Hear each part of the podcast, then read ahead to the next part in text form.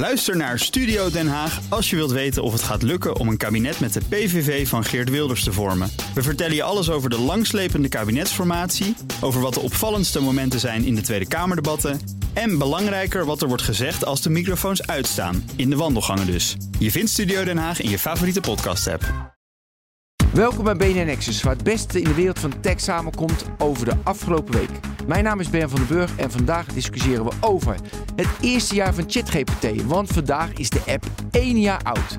En het nieuwe conflict tussen Musk, X en de adverteerders op dat platform. Met mijn panellid Boris Veldhuis Verzanten, oprichter van de Next Web. Hallo Boris. Hoi. In het kort, Boris, is ChatGPT de meest succesvolle productlancering aller tijden? Um, ja. Ja, dat dacht ik ook. Omdat het kort moet, hè? Zeg Het ik, moet, ja. maar nee, de Ja. nuance komt nog. Ja. We gaan beginnen. Mijn co-host vandaag is BNR's tech-redacteur Daniel Mol.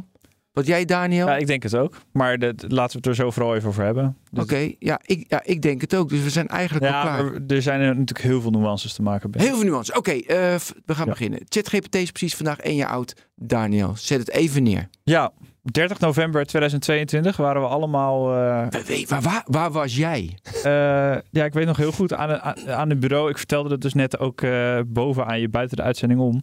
Dat ik een paar maanden eerder was ik een beetje met GPT-3 in die playground aan het spelen. En toen zei Joe, de andere Ja, co-host, collega, ja. zei ja, wat een onzin is dit. En hij kan niet eens, wat zei hij? Vroeg van, kan je een recept voor spaghetti maken? En dat, dat klopt toch geen rol van natuurlijk. Zei hij, ja, wat een onzin, weet je. Dit is niks. En ik vond dat al eigenlijk best cool. Eh, en dat was ook een beetje in de tijd dat DALI 2 net eh, naar buiten kwam. En dat leek ook heel goed te zijn. Viel uiteindelijk wel mee als we er nu op terugkijken, maar oké. En toen kwam dus dat chat GPT. En toen eerst, ik denk dat de eerste dagen even getwijfeld hebben van hoe groot is dit. Maar toen bleek zo snel dat dat giga was. 1 miljoen gebruikers in vijf dagen. Ja. Ja. Nee, wat was het? Hoeveel? Na twee maanden 100 miljoen, toch? Ja. En Ja. nu 100 miljoen actieve per week. Ja. Oké, nog meer? Wil, eh, wil je het nog op een manier? Ja, nee, goed. En Wil we hebben nog dingen noemen? in een jaar hebben we eh, heel veel. Het is precies een jaar geleden dus. En in een jaar hebben we heel veel toevoegingen gezien. GPT-4 kwam natuurlijk vrij snel al. We hebben nu dat, het idee van multimodality, dat die ook met audio werkt en ook met spraak en noem maar op. En sinds kort hebben we ook eh, bouw je eigen GPT, GPT'tjes. GPT'tjes erbij gekregen. En inderdaad, het gaat. eh, het heeft echt een beetje de, de wereld van AI in beweging gebracht. En de- dat neergezet als een nieuw fenomeen eigenlijk. Iedereen is daar nu al van op de hoogte en het over eens dat het echt iets gaat veranderen. Ja. En daarom leek het ons goed om even Nou, misschien terug te blikken. ja, eerst even terug, een jaar lang, maar ook even productlanceringen. Mhm. Eh, ik, eerst even de iPhone. Boris, hoe heb je dat beleefd? Dus toen de iPhone kwam, want de eerste iPhone was gewoon niet zo heftig, was niet zo eh, goed. Die was Ja, te duur nou, met AT&T. Nee, het was Ja. te duur met AT&T. Ja. Was de enige telecom operator. Maar ik denk Je mensen voelde in de industrie, precies. Je had wel door, holy shit, dit, dit verandert alles. Dat had je wel door. En dan zag je de nadelen. Dus ik weet nog heel goed dat ik hem... ehm, we hebben er toen 15 opgehaald hè, in San Francisco. Meegesmokkeld naar Nederland. Ja. En, en uitgedeeld en een soort hackathon bij mij thuis georganiseerd om ze te kunnen hacken. Want je kon ze helemaal niet gebruiken in Nederland in eerste instantie. Ze waren locked op T-Mobile. En het grappige was, eh, als je dan ging hacken, dan soms dan brickte die. Kon je er niks mee mee. We hadden er 15 mee naar huis genomen die van mij brickten. Dus ik had als enige geen iPhone. Maar anyway, toen heb ik er toch eentje werkend gekregen. En toen na, denk twee maanden, heb ik hem aan mijn vriendin gegeven. En ben ik teruggegaan naar mijn Blackberry. En mijn antwoord toen was, het is by far de allerbeste telefoon die er bestaat. Het was een geweldig ding. Ik zei, maar voor e-mail is toch het toetsenbordje wel fijner. Ja, En dat heeft denk ik een jaar Keyboard. geduurd voordat ik weer terug naar de iPhone ging. En toen ben ik nooit meer terug naar iets anders gegaan.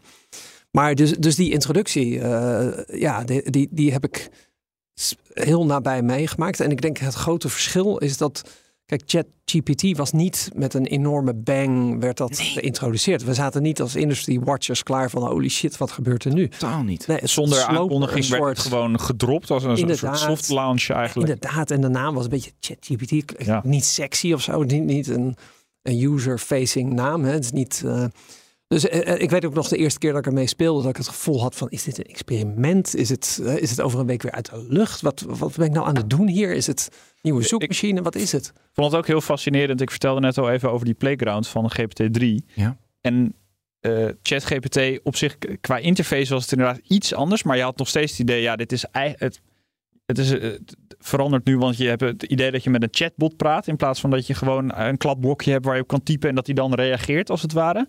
En, en eh, het taalmodel was iets beter. Maar verder voor de rest was Ja, want het niet... was, eh, want het was GPT 3,5. Ja, en dat we, maar het was niet orde groot, dus veel beter dan GPT-3. Dus a- achteraf denk ik ook een beetje van ja, het is toch best bijzonder dat dat zo'n doorbraak is Ja. geweest. Dat het Ja. toch een soort van. Maar dat een user interface, de gebruiksvriendelijkheid, dus ervoor zorgt dat iets een doorbraak heeft. Ja, Nou, dat is niet nieuw op zich. Nee, ja, nee, precies. Maar Ja, weer, dat is weer een bevestiging. Ja. En toch ging jij... En toch is die interface nog steeds, want nu, ook nu nog hoor, als ik het gebruik, ik gebruik eh, vaker de app trouwens in- op een Ja. iPad. Maar ik eh, gebruik ook wel eens de webinterface. En dan ben ik toch iedere keer denk ik dat ze hier, dat, ze, dat het gewoon nog steeds dit is. Hoe zou je het dan willen zien? Ja, ho- wel honderd dingen. Het, het voelt nog steeds een beetje als een soort MS-DOS interface. Hè? Dat, dat grijs, eh, dat, dat balkje links, de interactiviteit. Het voelt niet als een hele moderne, het is een beetje pre-Web 2.0 interface wat mij betreft. Maar dat- Nee, nee, valt je helemaal. helemaal niet op? Nee, ik, Dan heb ik meer smaak dan jij. ja, ik denk het. Ja, nee, maar dat sowieso nou, natuurlijk. als je het heel bazaal doet, is het wel. Het voelt natuurlijk wel alsof je in een command line een soort van Dat is zit, wat ik bedoel. zit te Ja. tikken. Ja. Van ha- hallo ChatGPT, doe dit. Alleen dan doe je het in natural language in plaats van een command line taal. Maar wat zou je anders moeten... Ja, met voice, Nou, dat doe je natuurlijk op je, ja, op je mobiel. Ja, dan kijk, doe veel de- voice. Ja, het, het, het is een soort chat. Maar het ziet er niet echt uit als chat. En hoe ziet chat er meestal uit? Nou, meestal met een soort bubbeltjes, met kleurtjes links en rechts. Hè. Dat is meer een soort chat interface die we gewend zijn. Ja? En, en daar heb je dan nog verschillende varianten in natuurlijk. Hè. Eh, Iedereen vormt dat op zijn eigen manier. En dit ziet er inderdaad meer uit als een soort alsof je samen in een Google Doc aan het typen bent of zo. Dus eh, ik vind een, een curieuze. Kijk, ik zeg niet meteen het is helemaal verkeerd. Maar ik heb wel het gevoel dat als straks de 2.0 interface komt, dat we dan terugkijken en denken: oh ja. Dat was Ja, inderdaad precies, een beetje wat is dat primitief, ja. Ja, ja, primitief. Ja. En misschien moeten we ze, ik weet niet hoe we hierop kwamen nu hoor, want het is, het is natuurlijk gek om hun alleen maar hierop af te rekenen. Dat doe ik ook Nee, niet. maar wat ik Maar belangrijk op. Ja, maar wat ik belangrijk vind is dat bij iedere technologische doorbraak zie je altijd dat de gebruiksvriendelijkheid ervoor zorgt dat iets heel snel groeit. Ja, En, en ja. dat, dit is weer het, een van de beste voorbeelden. Als het een gedoe is, Ja. dan denken mensen laat me Laat zitten. maar zitten. Ja, ja, nee, dat is waar. Ja. Valt me trouwens op dat jullie GPT zeggen. Is dat heel bust? GPT, bedoel je? GPT, ja, ik Ja. weet het niet. Ik, Weten jullie eigenlijk wat het betekent, GPT?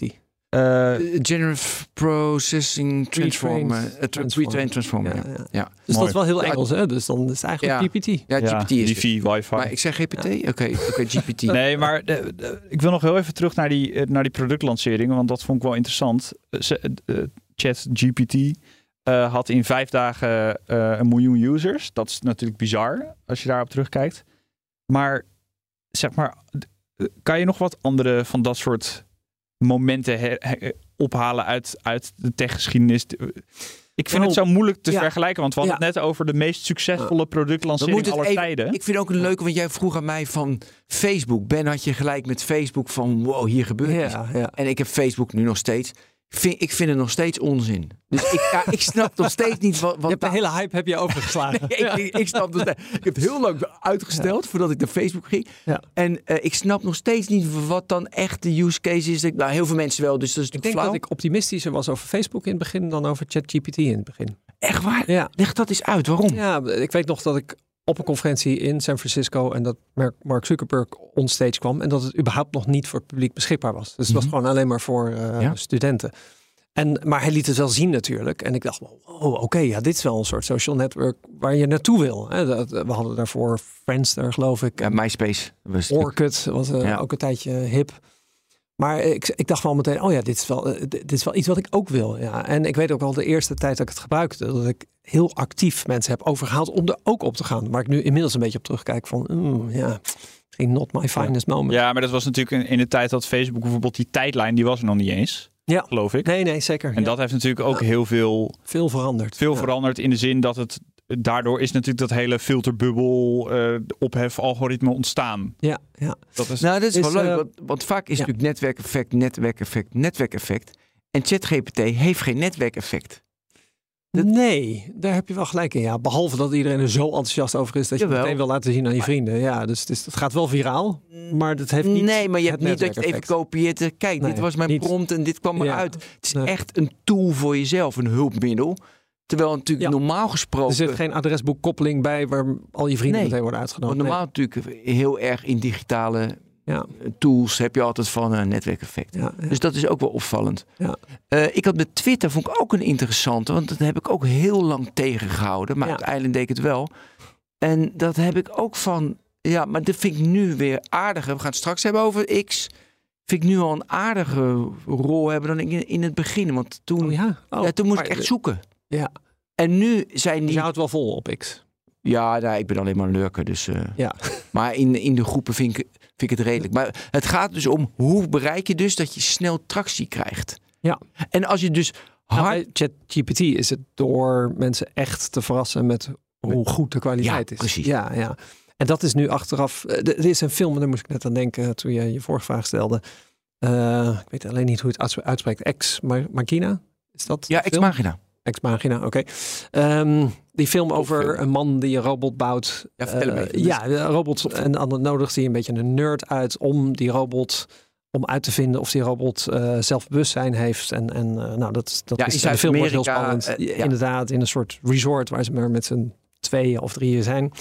Ehm, en die regisseur die vertelde uit, die vertelde, die zei van ja, het, het is een science fiction film, maar ik wilde dat alle technologie zo zou zijn dat als morgen Google of Apple het zou aankondigen, dat je dan niet ontzettend verbaasd zou zijn.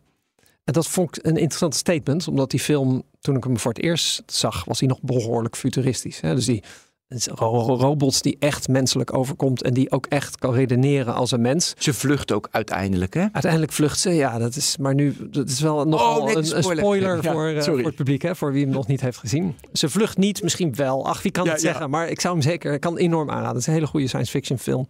Ehm, maar het interessante is dus dat de eerste keer dat ik die film zag, een paar jaar geleden, misschien is die zes, zeven Ja, voor mij jaar geleden 2015. zoiets. Want Heur was 2013, voor mij is Oké, 2015 ja, zoiets. ik weet nog ook, 2014. ja, 14, oké. 2014. Ik weet nog dat, dat ik dat las, dat die regisseur dat zei. En dat ik dacht, nou, het is toch wel echt science fiction.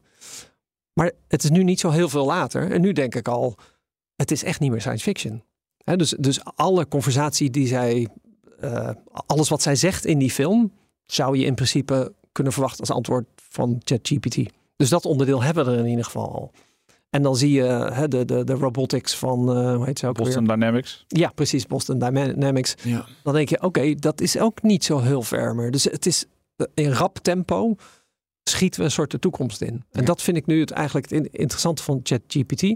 Er was niet een soort gray area moment. Het was er gewoon de ene dag nog niet en dat vonden we allemaal logisch. En de volgende dag was het opeens wel. Vonden we eigenlijk ook logisch. En die hele, eh, ja, hoe noem je dat? Evolutie van, van het bestond nog niet naar pff, iedereen gebruikt het. Is zo geleidelijk gegaan. Daar heb ik me nog het meest over verbaasd eigenlijk. Maar hoe, hoe, hoe kijk je dan tegen dat hele AGI-gedoe? En eh, oh, ik zeg gedoe, want ik, ik bedoel, ik ben echt aan het radicaliseren. Dat ik zo verschrikkelijk tegen dat robots even slim worden als mensen en ons Ja. overnemen. En dat ze de intelligentie overstijgt ons. En dan hoor ik die, eh, Ja. die, die open AI, Sutskever. ja, die hoor ik dan zeggen van, maar hij zegt, ik zat even letterlijk, ik had nog opgeschreven ook, want ik, ik erg me kapot eraan.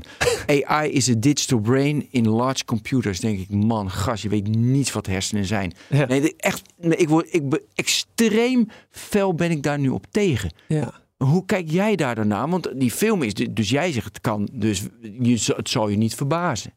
Nee, Ik nee. ervan, het is totaal wat anders. Want nee. het mimikt continu. Maar Ja, oké, maar dat, dus, eh, eh, ehm, oké, je hebt een soort de praktische discussie over, over wat is het verschil tussen een computerintelligentie en een menselijke intelligentie. En dan daarnaast heb je de discussie, is dat überhaupt wenselijk en wat is het risico? Dat, dat, dat is eigenlijk het onderwerp Ja, dat is het tweede onderwerp. Ja. Maar vooral het eerste Ja. vind ik Dus interessant. wat is het verschil? Het verschil is zo groot. Ja. Wij hebben wij ja. niet eens een besef van hoe groot Maar het dat is. wat mij betreft dus meer een filosofische discussie dan een praktische. Omdat ik denk, kijk, praktisch gezien maakt het niet zo heel veel uit. Simpel gezegd, hè, als, ik, als ik als ik wil weten wat is 100 keer 100, kan ik dat intypen in een rekenmachientje. Ik kan het jou vragen. Ja. Als ik het antwoord maar krijg en als het antwoord goed is, wat maakt het dan precies uit? En je zou kunnen zeggen, een rekenmachientje is niet intelligent, terwijl het beter kan rekenen dan ik. Juist. Daar hebben we geen probleem mee. Dat is echt Exact. prima. Ja. Exact.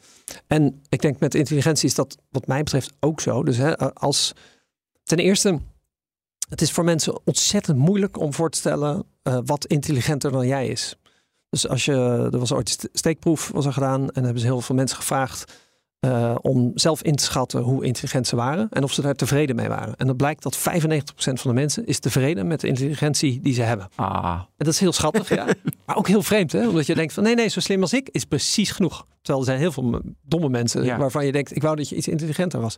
Maar die mensen zelf denken, nee, nee, nee, zo intelligent als ik is precies genoeg. En de verklaring daarvoor, eh, zeggen de wetenschappers, is dat het dus onmogelijk is om eh, iets intelligenters dan jezelf voor te stellen. Dus je ziet wel eens iemand die slimmer is dan jij, maar je kunt je geen voorstelling maken Hoe het van is wat om zo intelligenter intelligent- is dan jij. Want daar zou je intelligenter dan jij voor Ja. moeten zijn. Maar deze hele discussie, want AI is natuurlijk artificial intelligence. Ja. Het begint natuurlijk met de definitie van intelligentie. En wat Ja. al die de, de gasten allemaal zeggen, is alleen maar cognitieve intelligentie. En ze vergeten continu, en dat willen ze niet betrekken, maar dat is wel zo. Ja. Kijk, die rekenmachine is cognitief. Prima. Weet je, dat kunnen ze veel beter. Mensen cognitief, mensen echt slecht. Maar je, er zit een relatie tussen je spirituele intelligentie, je sociale intelligentie, je emotionele intelligentie, je fysieke intelligentie. En die combi maakt een mens een mens. Ja. Er is zal, no ik, ja, er zal nooit een computer zijn die die combinatie van die intelligenties kan zijn. Wel kan nadoen, maar niet kan zijn. Ja. En Ja. dat is het grote verschil. Ja, maar daar heb ik dan, daarom kom ik op dat verschil tussen soort praktisch en filosofisch. Hè. Dus, eh, ehm, laten we een Van Gogh nemen. Hè. Dus eh, een Van Gogh zou je met een... Stel je voor, de, ze vinden een 3D-printer uit die gewoon op Ja, een moleculair niveau een, een Van Gogh kan Ja. namaken. Zodat je zeker weet, het is gewoon 100% een kopie. Ja. Dan nog ben je, heeft die nul waarde als je niet weet dat Van Gogh er zelf aan heeft gezeten. Dus, en, en, en dat is een soort belangrijk verschil. En daarom denk ik, ja, je kunt, je kunt kunst maken met AI, wat mooier is dan kunst. Maar we don't care. Nee. Want, want je weet gewoon dat niet iemand het heeft gemaakt. En de band die je met zo'n kunstwerk hebt, is persoonlijk. En juist menselijk. Het gaat om de menselijke eh, connectie. En als mensen dus zeggen, AI kan straks beter kunst maken dan mensen, dan denk ik, oké, now you're missing the picture. Want daar gaat het niet om. Dus als ik tegen jou zou zeggen, ik heb een liefdesbrief geschreven aan jou, want ik ben eigenlijk verliefd, verliefd op je. Eh, maar ik heb hem laten schrijven door de computer en die kon dat mooier dan ik. Ja, Ja. is niks waard. Hoe Ja, is Ja, dat, en is helemaal niet, dat is niet wat we willen. Nou, en waarom Dus maar daarom denk ik dus dat de vraag. eh, ten eerste, we, kunnen, we snappen niet wat er gebeurt als er iets komt wat intelligenter is dan wij. Want wij zijn de intelligentste. Ja, maar bedoel je cognitieve intelligentie? Ja, hè? Ja, dat maakt me dus wat minder uit. Ja, mij dus Ja. 100% Ja, maar heel Ben, erg. Ik denk dat Boris, wat Boris bedoelt, uiteindelijk, misschien is dat, zijn we daar nu nog niet, maar over vijf jaar zijn we er zeker dat een taalmodel kan zo goed faken dat het Ja, intelligent is, dat ja, het niet meer uitmaakt of het wel of niet echt zo is. Dus we Dus weten... nu al, eh, je hebt die onderzoeker bij Google die ontslagen is uiteindelijk. Ja. Die zei, Hinten. eh, ja, Nee, de, de- daar weg. de Google AI is Oh, eh, die gasten, ja. oh, Zelfbewustzijn. Ja, eh, zelfbewustzijn. Ja, ja. En En hij, S is het. Jij zoekt het, het nu op. het interessante van die discussie vond ik dat hij had bladzijden vol waarbij hij had gediscussieerd met de AI van Google. Waarbij hij zei: Kijk, aan de discussie kun je zien dat, dat eh, deze computer zelfbewustzijn heeft. Maar uiteindelijk is het gewoon taal. En uiteindelijk zou je kunnen zeggen: Het maakt niet zoveel uit. Hè, dus de, de, eh, het, het, of dat zo is, of, of dat een computer ons kan, een soort kan faken dat hij intelligent is. Ja, dat, het maakt niet zoveel uit. Maar het interessante is wel dat je er überhaupt discussie over kan hebben. En dat er dus een verder redelijk intelligent iemand nu al het eh, make the argument, het, het, het ehm, kan, kan een case kan maken voor ja, het is zelfbewust. Dus dan ben je er eigenlijk al bijna. hè? De, de, Nee, dus hij mimikt dat hij zelf bewust is. Dus je of denkt... niet, I don't know. Nee, ja, maar goed, als je Maar- met hem praat, dan is Ja, het... eh, We zitten alsof kennelijk het- al zo op het randje dat we er een discussie over kunnen hebben. En dat sommige mensen Ja. dus denken, nee, nee, het is inderdaad intelligenter dan wij en zelfbewust. Maar wat, heeft, wat ik leuk vind van ChatGPT na een jaar, dat ze ons dus hebben. Deze discussies hebben we nu, want daar hebben we het over. wat is een mens? Absoluut. De verdiensten van OpenAI en de revolutie van OpenAI is dit gesprek wat we nu hebben. Ja, denk ik. Dat we nu gaan, wat dat betekent om mensen te zijn, wat dat betekent om intelligent te zijn. En dat gaat veel verder dan of we dat je met je co-pilot uh, kan zeggen, hallo, kan je op zaterdagmiddag uh, voetbalwedstrijd inplannen voor mij? En dan zegt hij, ja, ja hoor, dat doe ik, ik koppel het aan je agenda-app. Dat is leuk, maar oké.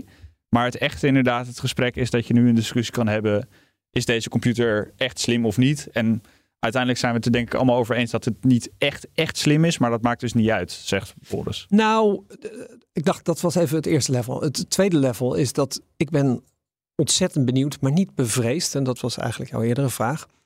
Dat als die computer slimmer wordt dan wij, dat dat dan meteen een probleem is.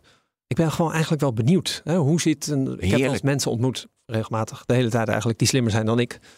En nou, dat is niet speciaal dat die mij willen doodmaken meteen of dat het einde van mijn leven is. Weet je? Dus het is over het algemeen gewoon wel interessant.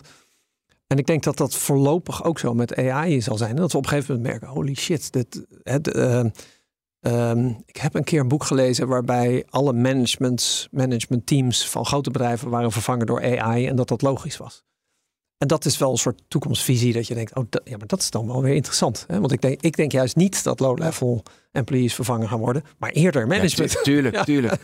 Je ziet nu al dus- bij de consultants hebben het lastig. Ja. Weet je, dus dat, want het wordt ja, niet, waarom eigenlijk lastig? Weet je, want ik merk aan mezelf, je krijgt nieuwe input. Je, weet je, maar de tijd waar ik als ik iets moet onderzoeken, dat, duurt, e- dat, is, dat is even lang. Alleen ik heb er andere invalshoeken. Ja, ja. ja dankzij ChatGPT. Ja.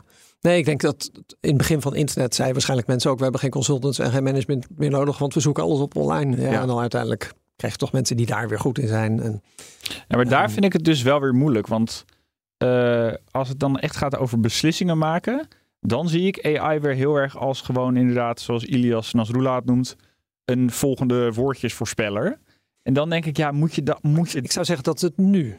Ja, ja maar als het intelligenter wordt Ehm, ja, dan denk ik toch wel als je, als je op een gegeven moment een AI hebt die al een jaar met je meeluistert. Gewoon audio. Hè? Dus alles hoort wat je zegt. En al je mail kan lezen. En alle berichten in Slack en ICQ. Wel, wel ICQ fijn. Is al heel, lang ja, maar in ieder geval in iedere messenger. En alle gesproken testen en alle documenten van het bedrijf.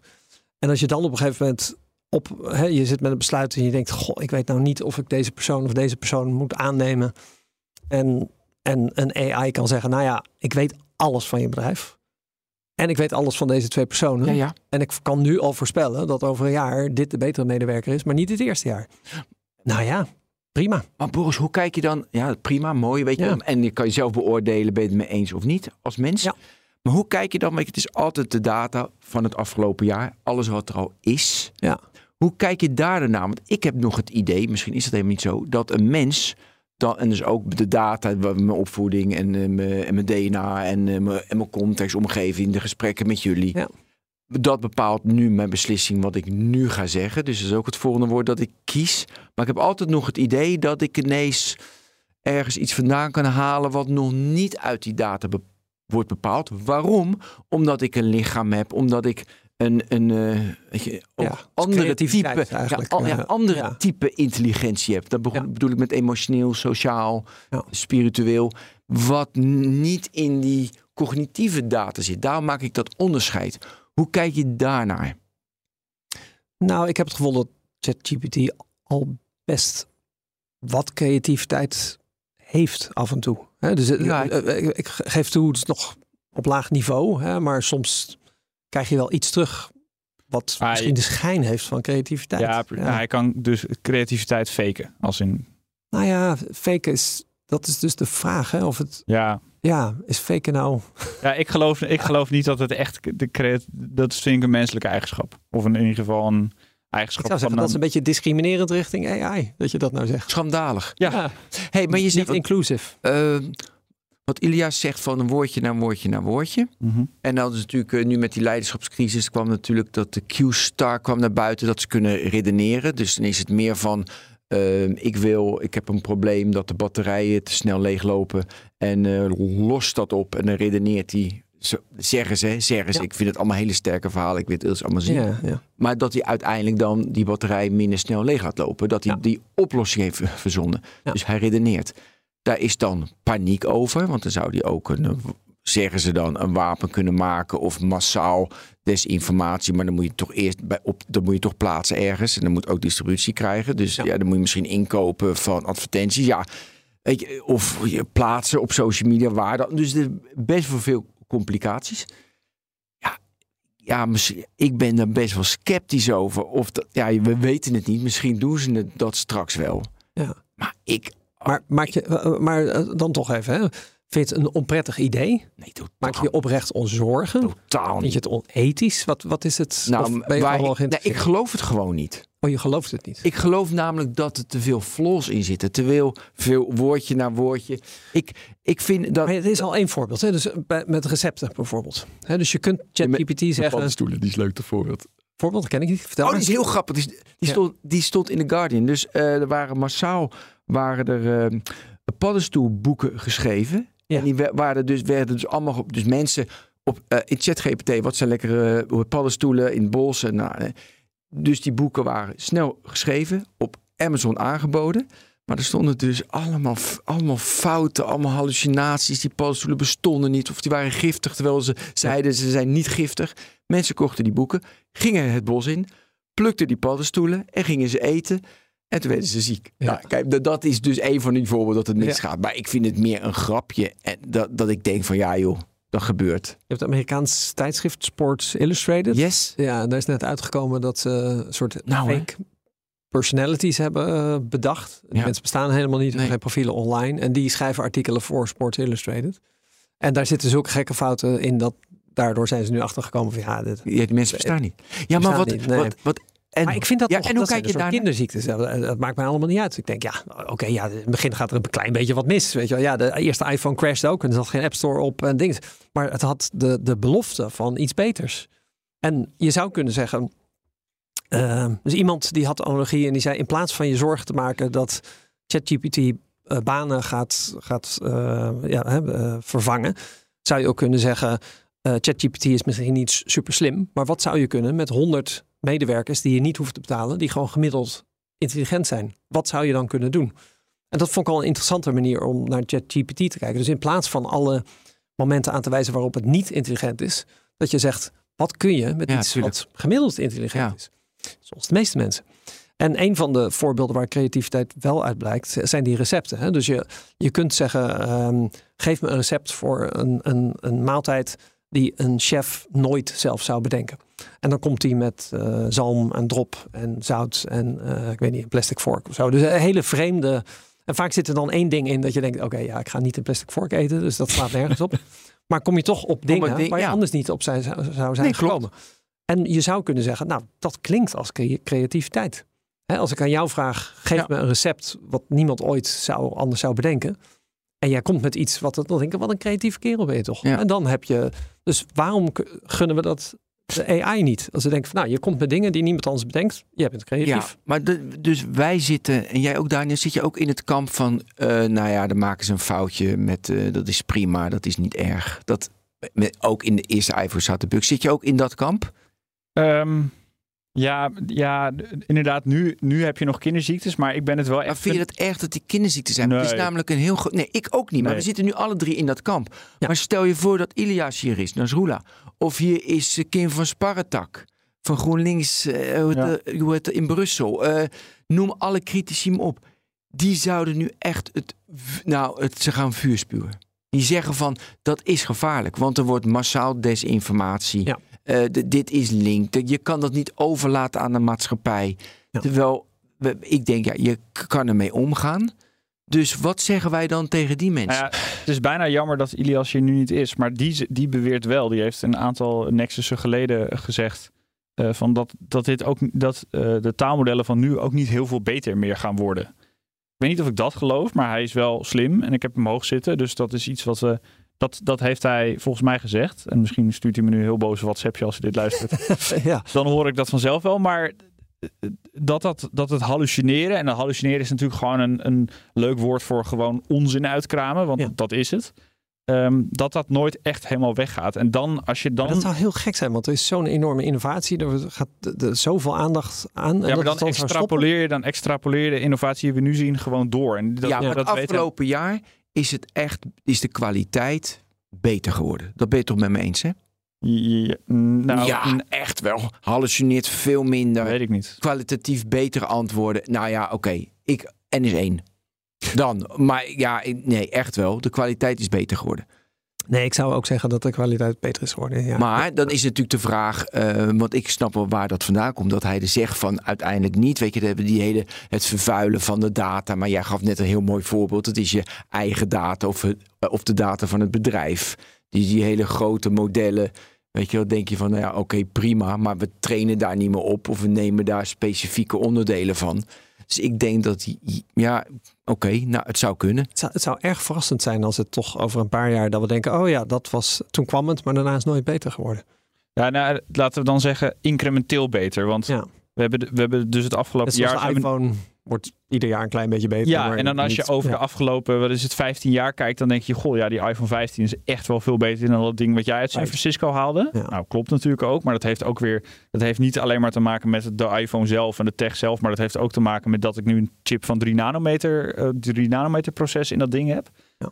Dus dat vind ik moeilijk, maar ik vind het ook, ja, we hebben, we hebben dus nu een jaar, eh, we hebben een jaar chat eh, GPT en we hebben het, zeg maar, we hebben het nu over een revolutie. We zijn nu een half uur aan het praten over wat dit eigenlijk teweeg heeft gebracht. Dat zegt denk ik al genoeg. Nou, Ehm, maar ik weet niet of je die, die, die voortgang, die doorbraak zo kan extrapoleren. Nou, ik we, zie we hebben ook natuurlijk een soort, op, een- op een moment hebben we eh, de atoombom gehad. En eh, de atoom, misschien de, zeg maar de technologie in de atoombom heb je, kan je ook niet zomaar door extrapoleren. Want dan, nou maar goed, We hebben wel grotere bommen gekregen, maar niet. ja, nee, en bommen met, ik bedoel, een waterstofbom is een, is een ander soort proces. Ehm, Oké. maar misschien sommige nee, maar, technieken. goed, die, maar, die, maar de atoombom hoeft ook niet veel groter te worden, want het vernietigt toch alles. En de hele atoomenergie is natuurlijk heel erg tegengehouden door Ja, heel maar veel ben- het is ook niet, bijvoorbeeld, het is ook niet aannemelijk. Eh, we zijn nu ook eh, met, bijvoorbeeld met ruimtevaart. We zijn al, eh, nou ja, laten we zeggen vanaf de jaren 50 of zo bezig met ruimtevaart. Misschien nog eerder als je ligt eraan wat je meetelt. Dat is ook niet een, een, een soort van expo- exponentiële Nee, Maar dat is, groei in de technologie. Zoals we dat nu met AI wel een beetje voelen. ja, maar dat is de uitspraak natuurlijk van They promised us flying cars and all we got is 140 characters. Ja, eh, we- eh, ja, dus van Mark Andreessen, omdat je over atomen praat.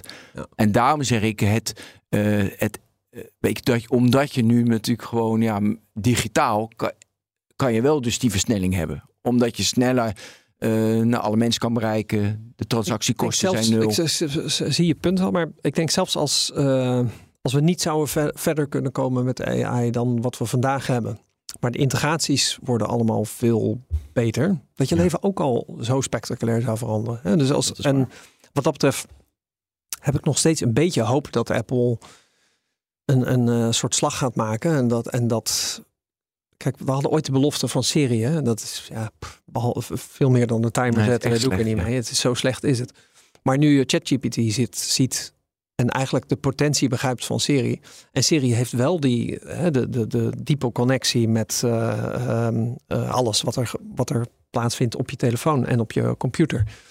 En nu denk ik dus, hoe anders was de wereld geweest als Apple ChatGPT had overgenomen, wat, eh, of de Microsoft rol had gespeeld. En zij versneld het hadden geïntegreerd in Siri en, en hun, in OS. En dan niet zo simpel gewoon van, oh ja, dan wordt de tekst uitschrijven iets beter. Maar echt gewoon diepe integratie met, hey, dit is je agenda. Ik zie dat je hier veel tijd aan besteedt, hier weinig aan. Eh, dit zijn de collega's waar je, nou ja, enzovoort. Daar zie ik nog zo ontzettend veel potentie. En eigenlijk iedere keer als ik ChatGPT gebruik, dan denk ik, het is zo'n ouderwetse interface. Met dat ik een beetje zit te typen hier en dan zit te wachten op een antwoord. eh, terwijl, en daarna moet ik het zelf eigenlijk weer, weer gaan uitvoeren. Dat is Ja, maar ik zou, oké, met, dan zie ik nog steeds van, eigenlijk Her. Weet je nog Her? De, ja, Her, van Her? ja, 2013, dat was Ja, echt hè, niet dat die normaal. computer dat die, dat die zegt: Oké, ik ga al je foto's nu even door. En dat duurt dan twee seconden of zo. Ik lees al je mail. Ja. Ik heb al je to-do's. Ik heb je agenda gewoon gewoon alles. Ik heb je even je hele leven voor je geregeld. Ja. En dat was toen, Samantha. ja, Met en dat was stem toen van Scarlett Johansson. spectaculair futuristisch. Hè? Ja, Ja, en heel sexy ook. Ja. Ja. We kunnen allemaal de seksscène nog herinneren, denk ik. Natuurlijk. ik heb, ik heb die film niet gezien. Ah, nee, Heb je de film niet gezien? Nee, die film is... nee, maar geen baas. spoilers, geen spoilers. Maar het is, dit is een ontzettend goed moment om die film te kijken. Ja. Ja. Het is niet een ontzettend goede film. Nee, het is ik- traag. Ik heb hem één keer gekeken. hoe- Maar in- inmiddels heb ik er wel weer zin in. Omdat ook die film, 2013, 13, had ja, hij het? 2013. die was een soort super fu- futuristisch. Ja, je nu dacht, niet ver oké, weg. ja, de- ja, maar dat is nu, als je nu die film kijkt, dan denk je, waarom heb ik dit niet nu al Ja. vandaag? Want alle puzzelstukjes Klopt. zijn er. 100% computers zijn snel Zullen genoeg. we- ik wil nog heel even één seconde En daarna terugbrengen. gaan we naar... Ja, daarna moeten we nog even naar X, want dit gesprek is veel te leuk. Eh, Oké, we, we begonnen met is ChatGPT de meest succesvolle productlancering aller tijden? Ik wil hem nog één keer op een iets andere manier stellen. Is dit de meest impactvolle lancering aller tijden? we hebben, leuk. we Ja. hebben nu dit gesprek. We hebben, eh, is een stel je voor, we hebben, we hebben Netscape, we hebben Facebook, iPhone. Na ik, heb- ik jaar, had ook hè? nog Bitcoin in het lijstje gezet. Nee, maar Ik na weet- één jaar... Ja, Oké, ja. Want namelijk geen één product, weet je wel, is na één jaar, heeft zoveel impact, want het is niet zo groot. Dus ja, dan Ik denk nee. mooi. Ja, nee, weet je, zeg je, mijn, oké, met een klein beetje ervaring in de indus- industrie, denk ik dat we over tien jaar terugkijken en dat we dan naar ChatGPT kijken zoals we nu naar Friendster kijken. Dus dat we weten, dat was de doorbraak naar social networking. Is wel, Ja. natuurlijk. Maar het is natuurlijk de enige AI Nee. die we nu eigenlijk kennen, is de AI die publiek is. En dat is ChatGPT. Maar ieder bedrijf werkt achter de schermen Ja. aan, aan, aan AI die misschien wel veel beter is dan ChatGPT, maar gewoon nog niet publiek. En Dat, dat gecombineerd met een, een diepgaande integratie met alles in je leven, Tuurlijk. dat wordt denk ik nog veel meer de doorbraak. Oké, Ja. maar en dus je, je verwacht nog, eh, je noemt net Friendster als vergelijking, je verwacht nog dat er een Facebook-achtige moment gaat komen dat nog veel groter is dan wat we nu hebben. Ja, dus, en daarom is dus Her, die film, zo goed om te kijken. Want hè, dus, eh, in Her is het niet een ChatGPT één service. Nee, het is een OS. Hè, dus je koopt, eh, ik weet niet eens hoe het heet, Her OS of zoiets. En dat maakt ze ook reclame voor. Hij koopt zo'n klein doosje, komt thuis, doet dat in zijn computer. En dan gaat die computer, eens, ik geloof, eh, een dag aan het rekenen. En dan, eh ja, dan begint de rest in. van de film. Ja. Ja. En als je die film eenmaal ziet, dan denk je, dat is wat ik wil. Ja, dat is wat ik wil. Je wil gewoon, ja, Ja. dat, dat Nou ja, je wil dat ze een lichaam heeft. Dus dat is ook wel essentieel. Wat ik al Nee, wat ik zei. Nou, in die film niet, hè? Daar maakt het niet Jawel, uiteindelijk wil die, wil die. En dan komt er dus Oh, is het een dame. Nee, dan komt er, nee, dan komt er een dame. Oh, En dat is niet synchroon met wat hij in zijn oor hoort. En wat die Oh. dame uitstraalt en Ja. niks zegt. Want dat hoort hij in zijn oor. Gaat helemaal mis. To- Toch gespoilerd. Toch een spoiler. Oké, we gaan naar het volgende onderwerp. Musk en X.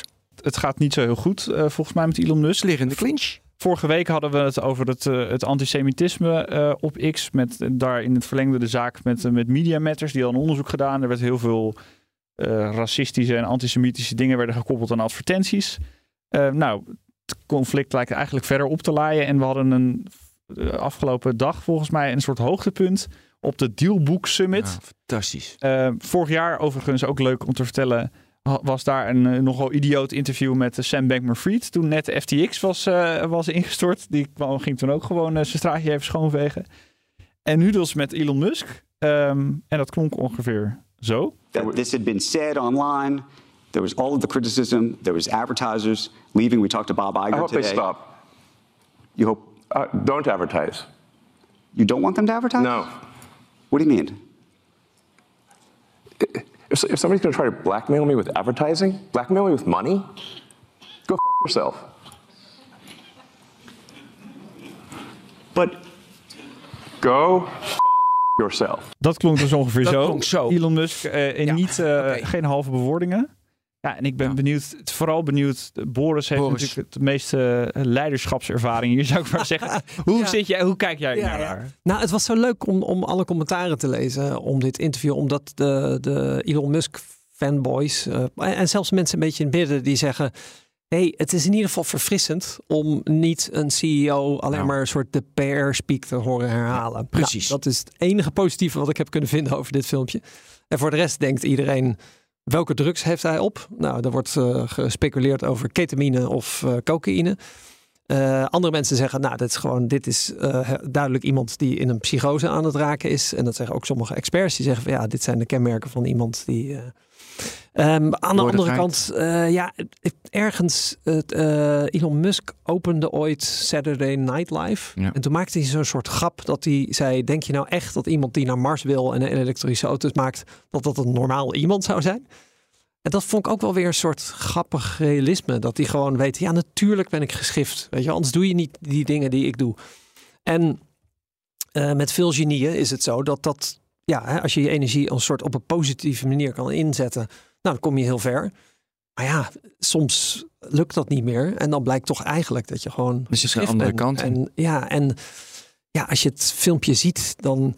Het, het is ik zou zeggen, als je luisteraar bent, kijk het filmpje even. Want zijn lichaamstaal daarbij is ook heel interessant. Het is een soort, ja, het, het lijkt een soort alsof hij aan het overkoken is. En hij heeft een soort momenten van stilte. En dan zie je zijn gezicht vertrekken. En dan flapt hij er iets uit. Hij heeft ook helemaal amper oogcontact met die interview. Hij Absoluut, is ja. Van in de asperge, ja. die gaat Het is een soort, soort hij houdt zich in en dan, en dan braakt hij iets uit. En dan probeert hij zich weer in te houden. En het is een soort zo frustratie. Het deed mij heel erg denken. En dan zijn we denk ik klaar met de psychologie van de koude grond. Uh, het deed mij heel erg denken ik aan... heb er niks over gezegd. Nee, jij niet. Uh, aan, aan Kanye West. En dat ja, is, vind ik, moest ik ook aan denken. Dat vind ik, ik bedoel, dat is ook uh, iedereen zijn eigen smaak, maar dat vind ik ook muzikaal in ieder geval een genie. Die is ook helemaal doorgedraaid. Uh, en die heeft ook op een gegeven moment die grootheidswaanzin en dat hij iedereen van zich afstoot en alweer. Ja. Iets later in het interview zegt hij: uh, um, Ja, laat ze maar komen. En dan de judge. Will be the world. Earth. Ja, Earth. En dan zegt hij een paar keer Earth. Ja, van de, de uh, help, help X maar om zeep. Als jullie stoppen met adverteren, adverteren dan helpen jullie X om zeep. En dat vond maar ik dan meteen... het oordeel ligt in de handen van de aarde. En dat vond ik dan meteen... Uh, toen was ik eigenlijk weer teleurgesteld. Omdat ik opeens dacht... Oh, is dit gewoon een hele doorzichtige move van hem... om een excuus te hebben straks... dat als het inderdaad valikant mislukt... en daar lijkt het naartoe te gaan... dat hij dan kan zeggen... zie je wel, het was niet mijn schuld. En dat zegt hij ook vrij letterlijk. Hè? Hij zegt als Twitter of X eraan gaat, en daar lijkt het nu op, want hij zegt ja, als er niet meer wordt geadverteerd, dan gaat het kapot. En dan zegt de interviewer, ja, maar ga jij het dan redden met je eigen geld? En dan zegt hij, als het kapot gaat, gaat het kapot. Met andere woorden, nee. En dan eigenlijk wat hij dus doet, is ons allemaal vertellen, bereid je maar vast voor, want X gaat er gewoon aan. Maar hm. in plaats van daar enige verantwoordelijkheid voor te nemen, zegt hij, en dat komt door een advertentieboycott. En het eerste wat ik denk is, het is helemaal geen advertentieboycott. Er zijn gewoon adverteerders die niet meer wel willen adverteren, omdat hij en hebben ze, dat zich misdraagt. Ja. Vrije markt, ja. Vrije ja. markt, ja. Een, een boycott is als alle adverteerders met elkaar zouden oproepen tot niet meer adverteren. Dat, dat, dat is de definitie van de boycott. Maar ja, ik vind het ook iets heel moois hebben. Oh ja? Ja, ik vind het... Want kijk, diep... Kijk, eigenlijk, weet je, hij is zo onafhankelijk. En als hij... Als, dus ja, op, als hij geen die adverteerders go fuck yourself als hij dat vindt. Joh, weet je, ja. het is, dus die eerste opmerking. Ja. enige CEO die zo onafhankelijk kan praten. En op het laatst van het interview, in het langere is interview... meme, en jij voldoet een beetje aan deze meme, waarbij de, de meme is dat uh, Elon Musk gooit de deur dicht en zit zijn lul tussen de deur. En dan zeggen de fans, zeggen, masterful gambit, sir. Nee, nee. Dat Briljant alles wat hij doet. Nee, nee, nee. is nee. wel iemand die nee, zegt, nee, nee, ja, maar het is ook wel nee, interessant hoe die dat Nee, want het antisemitische heb ik echt een ja. bloedhekel aan. Daar moet, ja. daar, moet, daar moet hij echt mee kappen.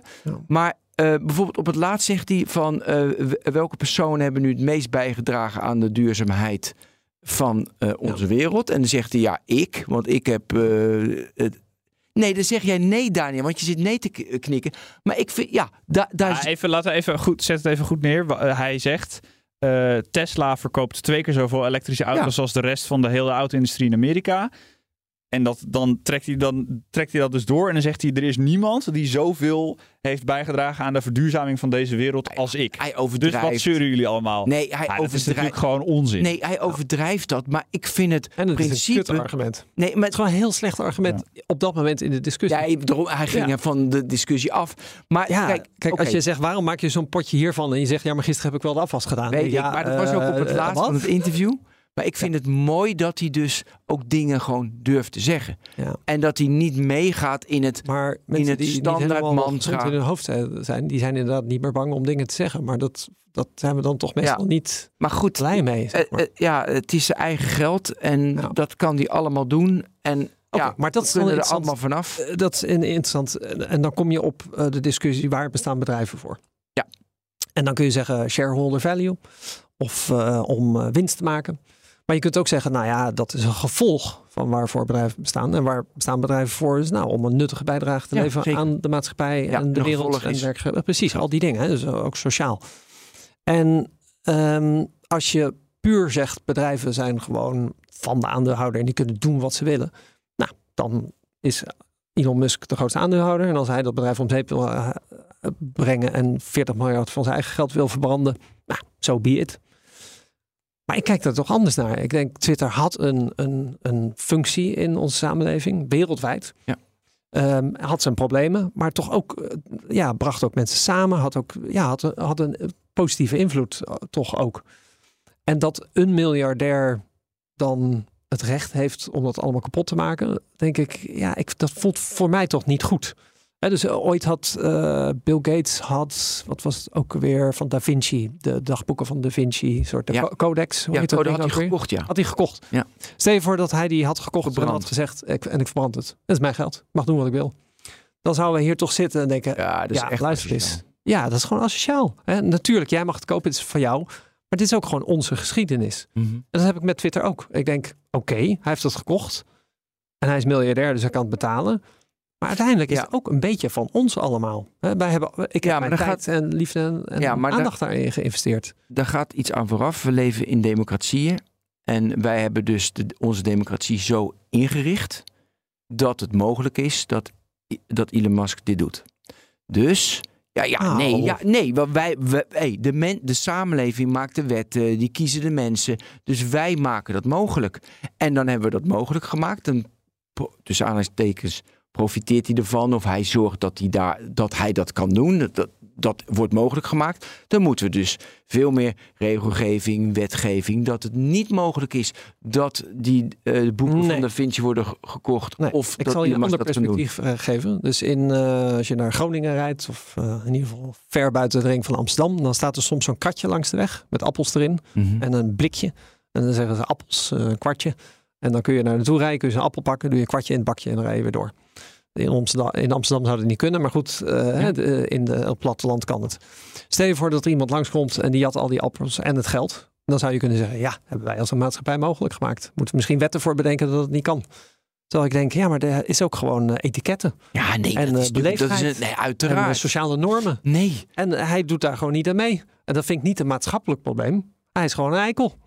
Hij misdraagt zich. Ja, en hij maar, kan zich misdragen omdat hij fuck you money heeft. nee, Maar de meeste mensen die fuck you money hebben, die zeggen niet meteen fuck you. Die, die leven met de wetenschap dat ze dat zouden kunnen zeggen. Maar het is ook chic om dat niet te doen. Nee, Boris, hij doet natuurlijk. het wel. Er zit natuurlijk altijd een balans in de samenleving. Ja. En het, kijk, en door, die, eh, en door, de, door de digitale wereld vergroot dit allemaal uit. Er zit natuurlijk een balans tussen gewoon moraal, je, Ja. je geweten en de wetten. Dus ik ging nu Ja. even naar wetten. Maar goed, weet je, eh, hij kan alleen maar zo zijn omdat wij, de samenleving, toestaan dat iemand zo is. Nee, volgens Nee, mij helemaal niet. waar. Jongens, Nee. ik ga nu een hele grove maken. Ja, Maar Hitler kan alleen maar Hitler zijn omdat mensen het toelaten dat het Hitler is. Een baas kan alleen maar een hufter zijn omdat ze het toelaten. maar Hitler leeft niet meer. Nee, maar oké. Daar hebben we met z'n allen ingegrepen. Ja, maar ja, wel een beetje laat. Een beetje laat. Ja, een beetje maar laat. Elon Musk, ik vind niet dat we kunnen zeggen, wij laten Elon Musk gebe- gebeuren als maatschappij. Je, je zou kunnen zeggen, als maatschappij laten we die Elon Musk behoorlijk niet eh, gebeuren. Want alle adverteerders trekken zich terug. Ja, dat is toch goed dan? Ja, dus dan uiteindelijk komt het wel goed. Nee, maar Ja. goed, we hebben het zo Dus- ver laten komen. Dus je moet Nou, heel ik goed denk, ik denk, eh, ja, Nee, Boris, dit is fundamenteel niet goed. Als jij, een, als jij een hele vervelende baas hebt, dan laat je dat dus ook gebeuren. Dan kan je zeggen van, hij is een. Ja, dat klopt. Ja. Maar wij laten het gebeuren. Ja. Dus je moet ook zorgen dat je in opstand komt, Dus Daniel. als we een klein beetje kritisch zijn over de maatschappij zoals die nu is, zou je kunnen zeggen in de kapi- kapitalistische maatschappij waar we in leven, die staat er toe dat sommige mensen veel te rijk worden ja, en zich Klopt. gaan misdragen. Ja. juist. Dus, dus, dus op een bepaalde manier is hij een uitwas van wat er mis is met de maatschappij op dit moment. ja. Ja. En dat het. En Oké. daar, nee, maar daarnaast is het natuurlijk I'll ook gewoon ja. Ja, compleet gestoorde wel- gek. Je, je, trekt het, je maakt het wel heel fundamenteel. En eh, op het begin hebben we natuurlijk ook nog even gedacht. eh, we, wisten, oké, Elon Musk gaat Twitter kopen, hoe dit gaat spannend worden. Ja. Maar zeg maar twee jaar geleden, toen het wel al gespeculeerd werd dat hij dat wilde doen, dat hij er af en toe voor de grap over tweette. Toen, toen was hij ook nog niet op dit punt van doorgedraaid zijn. En toen Nee. hadden we allemaal zoiets van, nou, ja, hij is wel eh, met free speech is hij toch aardig. En dat Tesla, dat heeft hij toch goed gedaan. En Ja. SpaceX kennen we hem Nee, van. eens, hij eens, is eens, een beetje eens. de Iron Man. Eens. Ehm, Ja. En nu is het... Hij is geradicaliseerd. Want wat Hij- ik zeg ja. over dat antisemitisme, hij is zo extreem. En die dat is leuk dat je dan de, de vergelijking eh, de- met Hitler maakt. Eh, Nee, dat, dat, dat, dat is het standaard voorbeeld dat mensen altijd zeggen. Weet je, als, als iets heel. Weet je, wij, la, wij kiezen iemand, we laten het gebeuren. Dus je hebt ook zelf een verantwoordelijkheid. Ja. Oké, nou, dan vind, ik, dat, dan vind ik de vergelijking met Hitler nog steeds niet heel sterk. Nee, maar dat- die wordt Maar- standaard gemaakt, mensen. Dus daarom kom ik er even mee van. Ja. hey, mensen hebben die, die man gekozen, hè? Ja, Hoe raar dat ook is. dat is ook niet helemaal waar, Ben, maar eh, prima. De- Dan gaan we nu naar 1933. eh, nou, Hitler heeft... Het was iets complexer dan Ja, dat. Maar precies. goed, hij is inderdaad gekozen. En Ja. daarna heeft hij de macht gegrepen. Oké, ja. Dus, uh, ja. Nou, technisch gezien is hij inderdaad Het gaat over technologie, hè? niet Ja, over geschiedenis. Ja, we nee, niet- is interessant. Oké, hebben we nog iets aan toe te voegen aan X Nou, en ik, aan wil nog, ik wil nog één ding eigenlijk Eén ding van Boris. Hoe belangrijk is die relatie met je adverteerders? Nou, dit is iets minder hoog over dan we net aan het praten waren. Maar ja, eh, Ja. je zou ook kunnen zeggen, dat had ik net met Ben even over. Zou ook kunnen zeggen, nou ja, eh, als adverteerder zie ik gewoon heel veel waarde om te adverteren op X. Want daar zit mijn doelgroep. En dat lijkt me gewoon, dat is gewoon zeg maar kosten-benefit eh, analyse. Oké, dat is positief. Dus we gaan adverteren. Ja. Maakt het dan heel erg uit dat er een gek zit die zegt, ja, fuck you? ja, uiteindelijk wel. Ja. Want op een gegeven moment er kwam steeds meer kritiek van gewoon eh, de maatschappij op bedrijven zoals Apple en Intel en, en al die andere bedrijven. Dat ze nog steeds maar bleven adverteren. En hun advertenties ook te zien waren naast eh, ja, dingen waar je niet ge- gezien wil, mee wil worden. Dus op een gegeven moment wordt de reputatieschade, het, of het risico op reputatieschade wordt zo groot dat zij zich terugtrekken en dat niet, risico niet meer lopen. Ja. En het is interessant omdat in dat interview zegt Elon Musk, wat een hele gekke vergelijking is. Dan zegt hij eh, Tesla is super eh, populair en dan hebben we ook geen advertenties. Ja. Wat een gek argument Ja, is, omdat hij daarna zegt van, maar goed, Twitter kan niet bestaan zonder advertenties. Dat je denkt, waarom maak je dan die vergelijking? Ja. En, en dat is denk ik de teleurstelling. Kijk, ik, ik vind zelf hem niet een sympathiek persoon. Hè? En, en ik vind Steve Jobs ook niet een sympathiek persoon. Maar ik had toch het gevoel dat Steve Jobs iets langer wat... Ik ben blij dat hij niet geradicaliseerd is op het einde van zijn leven. En gewoon mooie dingen heeft gemaakt. Hm. En ik denk als Elon Musk soort was gestopt voor Twitter... dan had ik gedacht, nou ja, niet mijn beste vriend... maar ik heb wel echt enorme bewondering voor wat hij heeft gedaan. Dat is echt hard aan het afbrokkelen. Nu denk Ja, ik gewoon, het zou, echt, ja, het zou echt beter zijn als hij zich terug zou trekken... En, en gewoon zou stoppen met praten... En, en Twitter zou verkopen aan niemand anders. En gewoon, ja, het gaat niet goed, vind ik. Het moet gewoon. Kijk, Twitter heeft toch nog een rol. Het zou een hele goede Ja. non-profit moeten zijn. Ja, Met, het is ook voor met mijn goede moderatie. Ik kan me Dat- niet dat voorstellen zou het allerbeste zijn. Hij, hij is, eh, of hij moet echt een super masochist zijn. Maar volgens mij heeft hij het ook niet naar zijn zin. Je, hij ziet zijn geld Er verdampen. was eh, het is in dat interview, eh, nogmaals, ik raad iedereen aan die het luistert, ga dat hele interview kijken. Want het gaat Ja. over veel meer dan alleen die adverteerders. Daar zegt hij op een gegeven moment ook van dat het een, volgens mij letterlijk zegt hij iets van het is een storm in mijn hoofd. En het is Ja. vooral negatief, de storm. En denk ik, ja, inderdaad. maar het daar leeft hij ermee ook op. van. Dat, is, Ja. dat, dat, dat, dat staat ook in zijn ja, biografie. jij maakt er een soort. Ja. Jij bent echt de laatste die van het Elon Musk eh, fanschip afgaat, Ik- volgens nee, mij. maar kijk, kijk het, probleem, het probleem van jullie is, jullie geloven in of fan zijn of niet fan zijn. Je moet ieder mens in iedere, in iedere situatie veel multidimensionale bekijken. Dus ik bekijk er gewoon van heel veel kanten. En ik ben niet fan, ik ben niet geen fan. Ik bekijk er gewoon als mens. Als ik jou ook niet beoordeel wel jou stom eens. of leuk. Jij Maar- bent voor mij Daniel en jij ook Boris. Maar ik ben het wel met je eens. Maar ik zie het wel ook lineair. Namelijk, als iemand tien dingen goed doet. En dan twee dingen achter elkaar slecht. Dan ben ik die tien dingen niet vergeten. Maar dan zijn die twee dingen die hij nu slecht aan het doen. Dus die hebben, die hebben wel meer ruimte in, in mijn hoofd. dat snap En ik. ik vind juist als, als mensen eh, zeggen ja, maar Tesla dingen. Dan denk ik ja, oké, maar dat was vroeger. En nu is dit gewoon echt verschrikkelijk. Hij, hij, is, hij wordt steeds extremer. Hij, is Ja, ja. hij wordt En fundamentalistisch. eh, Tesla, ik rij in een Tesla. Ik ben echt fan van Tesla. En, en, en ik ben hem super dankbaar voor dat hij dat eh, ja, voor elkaar heeft gekregen. En die energietransitie, alleen maar credit. Weet je, een Nobelprijs eh, mag hij van mij krijgen voor dat werk. SpaceX ik die Musk van En X niet, eh, nog niet één prijs willen geven. Weet je wel, je wil gewoon dat die man verdwijnt. hij moet zo snel mogelijk inderdaad Zo non-profit. snel mogelijk wat anders gaan doen. Ja. Ja. En ik heb, dat is mijn voorspelling. Hè. Ik denk volgend jaar ergens gaat hij hiermee ophouden. En ik weet nog niet hoe. Of hij het nou verkoopt. Of de, hè, op een dag zegt hij opeens: Ik heb het verkocht voor eh Ja. 5 miljard aan, eh, aan Microsoft. Eh, I don't know.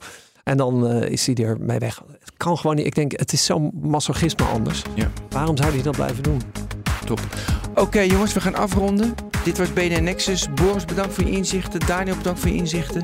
Ben, bedankt voor je inzet. Ben, Oké, graag Echt gedaan. bedankt, Ben. Oké, eh, dit was het voor vandaag. Volgende week zijn we terug met een nieuwe Nexus. Luister meer over tech bij BNR, zoals BNR Digitaal en de Technoloog natuurlijk. En de Tech Update, niet vergeten.